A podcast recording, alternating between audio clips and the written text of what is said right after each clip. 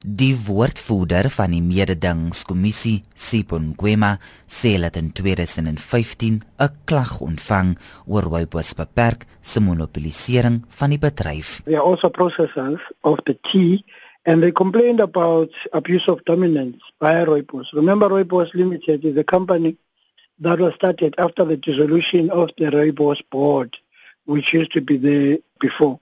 Uh, they are fairly dominant in the market. They shut out other competitors in the market and as a result, competition uh, in this particular sector has been lessened and distorted. And that is why we are charging Rooibos and we are taking them before the competition tribunal to be charged with abuse of dominance. Ngwema sê groot kwessie is Rooibos beperk se eksklusiewe kontrakte met Rooibos tee produsente. What is happening in terms of the contracts is that Rooibos entered into long-term supply agreements with the farmers for a period between 2014 and 2018.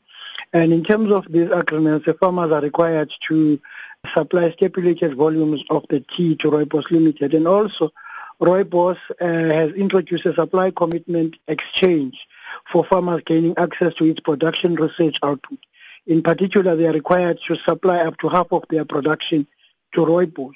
Rooibos exploited its research output to lock in these suppliers at the expense of other competitors in that market. Die besturende direkteur van Rooibos beperk, Martin Burke, sê hulle stem nie saam met die mededingingskommissie nie. Well, ons praat al van 2015 af met die kompetisie commissioner oor die aangeleentheid. Ons is verbaas dat die ding nou so skielik die wending geneem het. Ons was glad nie bewus dat dit gaan gebeur nie. En ons sal natuurlik nou met regs advies inbin oor wat die volgende stap is. Ek weet nie. Hy sê die ooreenkomste met Rooibos tee produsente is verander op versoek van 'n kliënt en produsente is vooraf geraadpleeg. Die feite hiervan is dat ons in 2013 genader is deur 'n koper wie gevra het of ons vir 'n 5 jaar voorsieningskontrak kon gee wat dan natuurlik vir hulle prysstabiliteit wat goed is vir beplanning sou kan gee. Ons het hulle gesê ons kan nie want ons is nie produseerders van rooibos tee nie, ons is bloot prosesseerders.